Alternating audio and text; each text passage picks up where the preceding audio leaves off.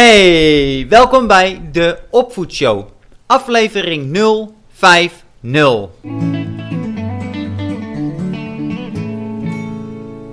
Mijn naam is Basten Alexander. Ik ben orthopedagoog, oftewel opvoeddeskundige en gedragswetenschapper. En tijdens de Opvoedshow bespreek ik verschillende tools en technieken met betrekking tot de opvoeding. Daarnaast nodig ik ook regelmatig andere experts uit om samen dieper op specifieke onderwerpen in te gaan. Ben je er klaar voor? Laten we beginnen.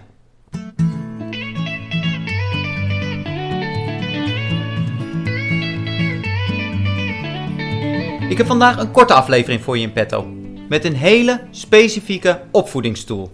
Namelijk die van de parallelle verhaallijn. En deze tool kun je inzetten om de sociaal-emotionele ontwikkeling van je kind te bevorderen. Specifiek wil ik ingaan op het moment dat je kind bepaald sociaal-emotioneel probleemgedrag laat zien, wat jij graag wilt veranderen.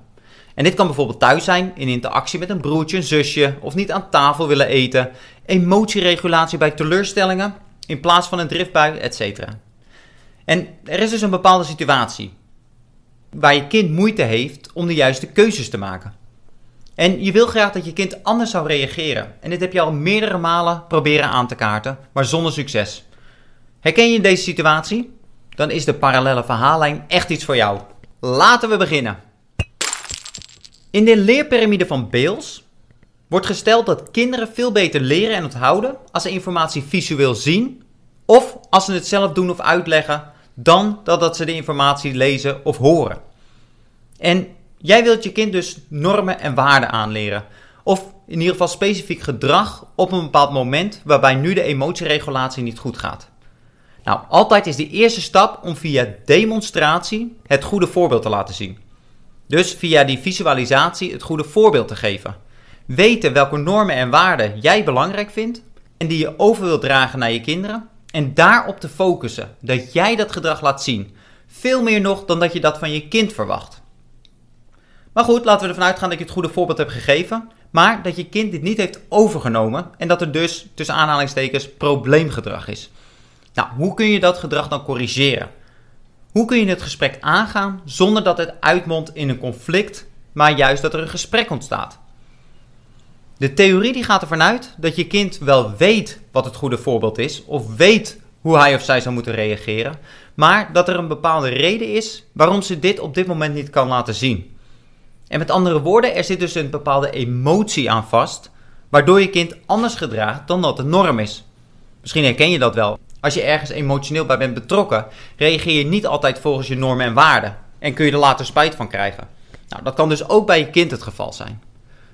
En ons instinct die geeft aan om dat uit te leggen. Om te vertellen welk gedrag ze wat ze laat zien niet goed is.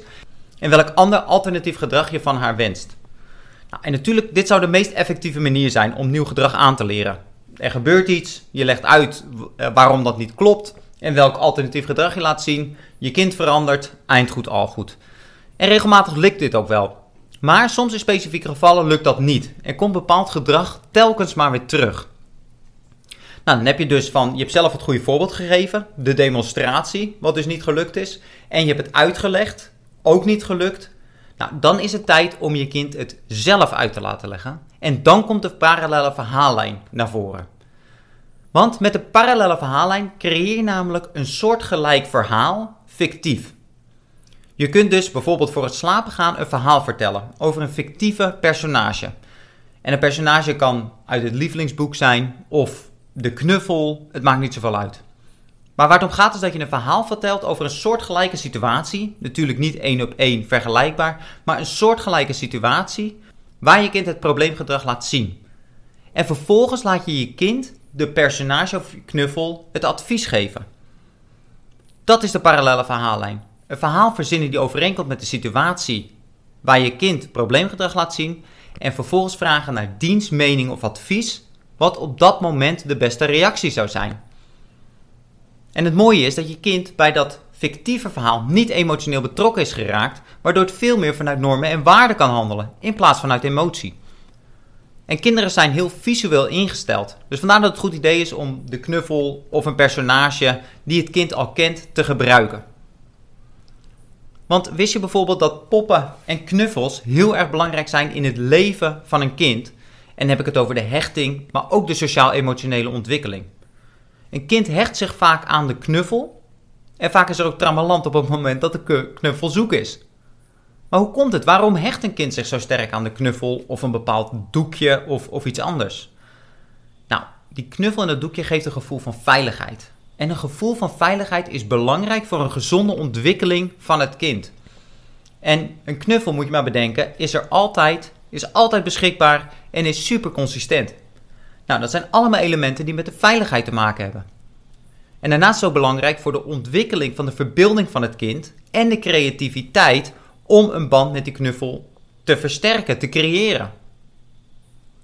En ook poppen spelen vaak een belangrijke rol bij therapie van kinderen. En helemaal als het over situaties en gevoelens gaat waar een kind niet gemakkelijk over praat, wordt gebruik gemaakt van poppen. Juist omdat dit zo'n veilige situatie is voor het kind.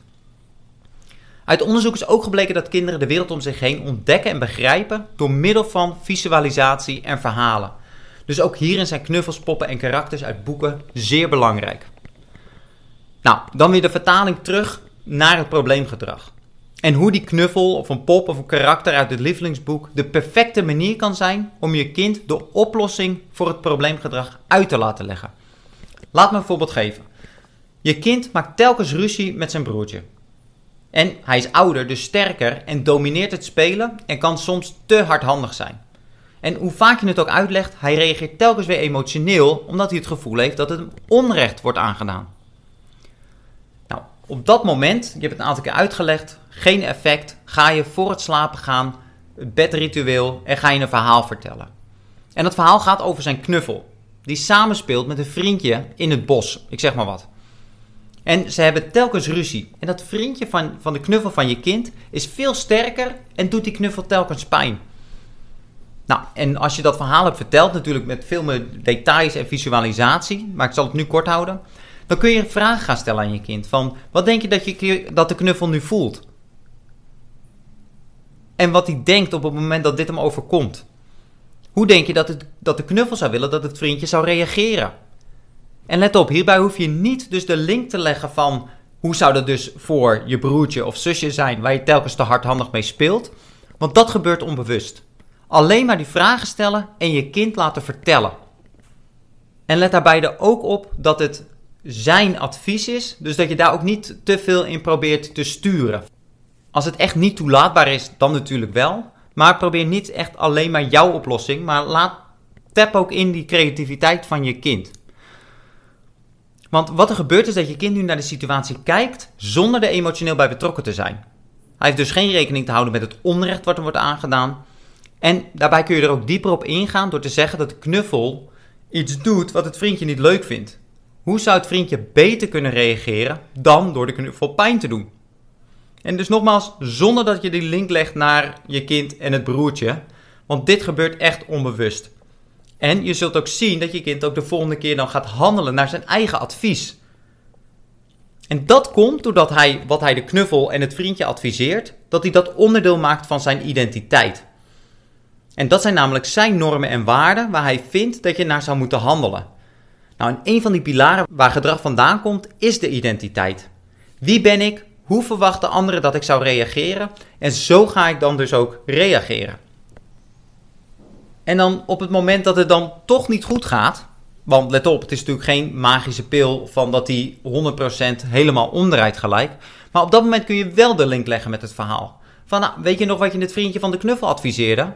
Zou je ook zo kunnen reageren? Ik vond dat toen zo'n goed idee van je. Van dat je het dan wel die link legt, maar dat je de echte situatie linkt met het verhaal en niet het verhaal met de echte situatie. Oké, de challenge van de week. Kijk eens naar een situatie die structureel terugkomt. Samen met, het, met broertje spelen, speelgoed niet opruimen, niet luisteren, spullen gooien als hij boos is of iets anders. Nou, en probeer nou eens voor het slapen te gaan een verhaaltje te verzinnen. Kan heel erg simplistisch zijn, maar probeer het wel echt te visualiseren. Waarbij je dus vervolgens je kind de oplossing laat geven.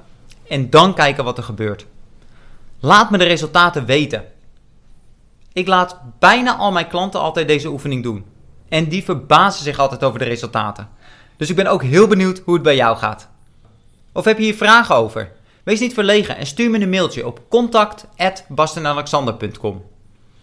Heb je de opvoedshow al met iemand gedeeld? Al zou het maar met één iemand zijn. Dat zal een enorme impact hebben. Vergeet ook niet om die recensie achter te laten. En onthoud, vermijd de strijd.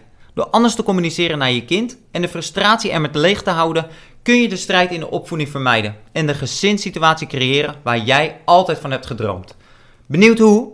Neem een kijkje op bastenalexander.com en laat je e-mailadres achter, zodat je de eerste bent die op de hoogte is zodra een nieuwe aflevering van de Opvoedshow online is. Dit was hem weer voor deze week. Go get them, je kunt het! Tot volgende week. Ciao.